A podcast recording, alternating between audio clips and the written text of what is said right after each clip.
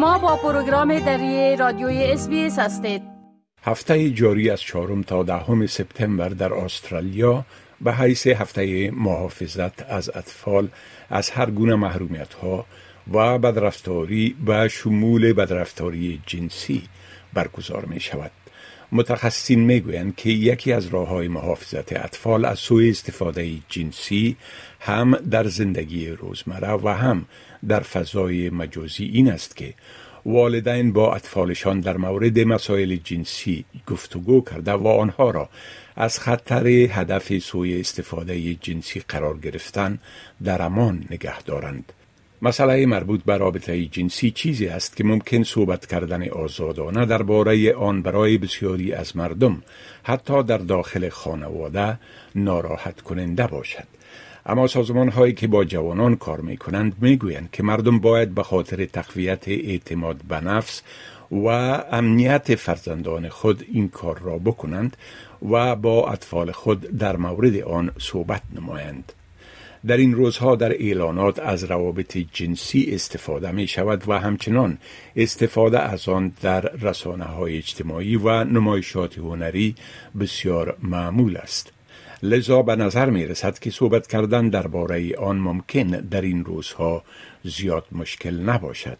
ولی آیا واقعا مسئله زمین قرار است؟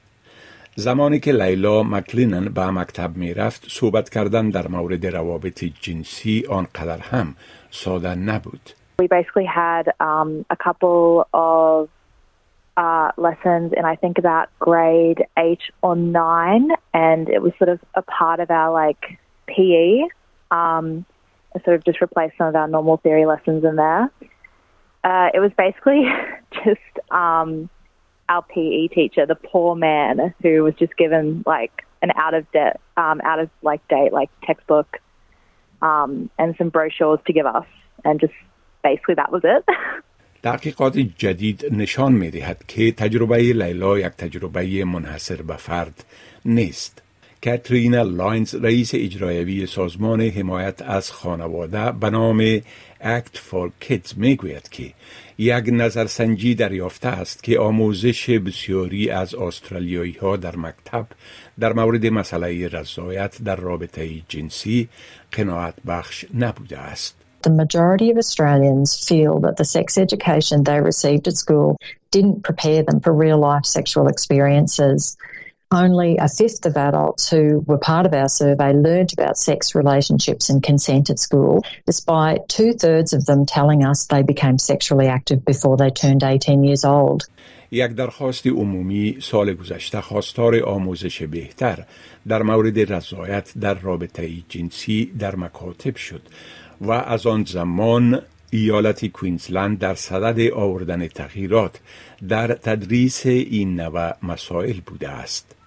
گریس گریس وزیر تعلیم و تربیه ایالت مذکور می گوید که به این مسئله عموما در سنف یازدهم رسیدگی می شود ولی اکنون بر این غور می شود که آیا تعلیمات در این مورد پیشتر از این شروع شود یا نه In particular, it's addressed in year 11. Obviously, this is all part of saying, is that adequate? Do we need to start early? سیسیلیا راث از اداره برنامه ریزی خانواده نیو ساوت ویلز می گوید که آموزش جنسی در نصاب درسی ملی وجود دارد ولی معیارها در مکاتب مختلف ناهمگون هستند. Some of the things in that curriculum need to be made a lot more specific so that we will get more consistent and, and more effective education coming through because the quality does vary. There are some schools doing a fantastic job and there are other schools where it's, it's just not getting enough time and enough depth in, in the content that's taught. کاترینا لاینز می‌گوید که این موضوع باید جدیتر گرفته شود زیرا نظرسنجی آنها نشان می دهد که بسیاری از متعلمین وقت مدرسه را ترک می کنند در مورد روابط جنسی مخشوشتر از گذشته می باشند بعضی از آنها احساس می کنند که برای تجربه های جنسی که در نهایت می داشته باشند آماده نیستند. 16% of the sample said they felt pressured the first time they had sex, and twice as many women as men felt pressured.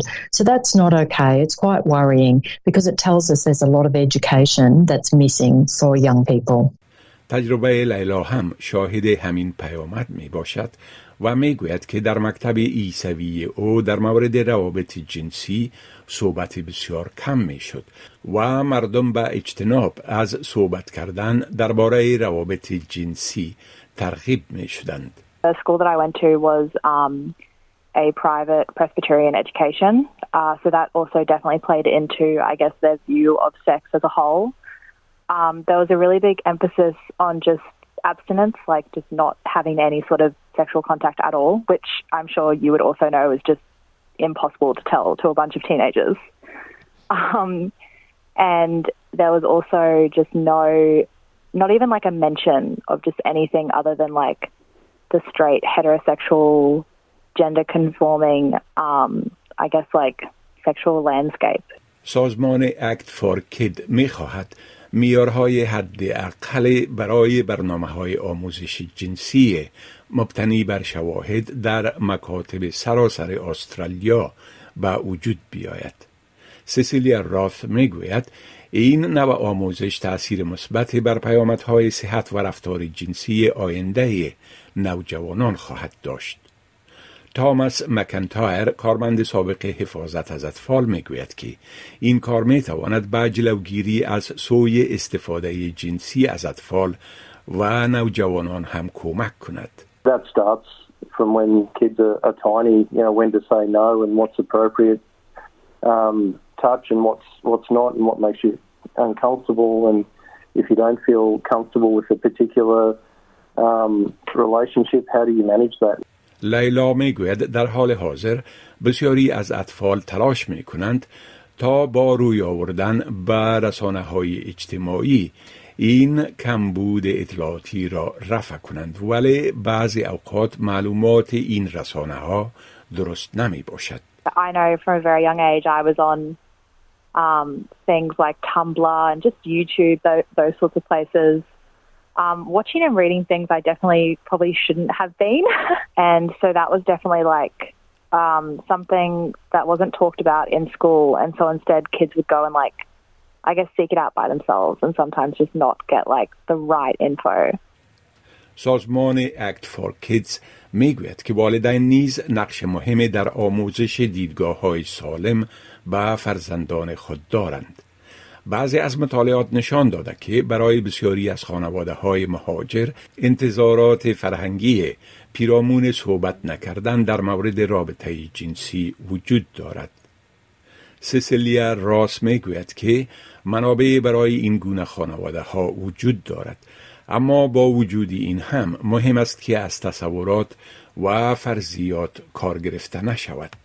You know, even within the same cultural group or the same language group, there's always a lot of variety from one family to another about what they feel comfortable with and what they feel, um, you know, that they're interested in, in learning about and their attitudes towards different things.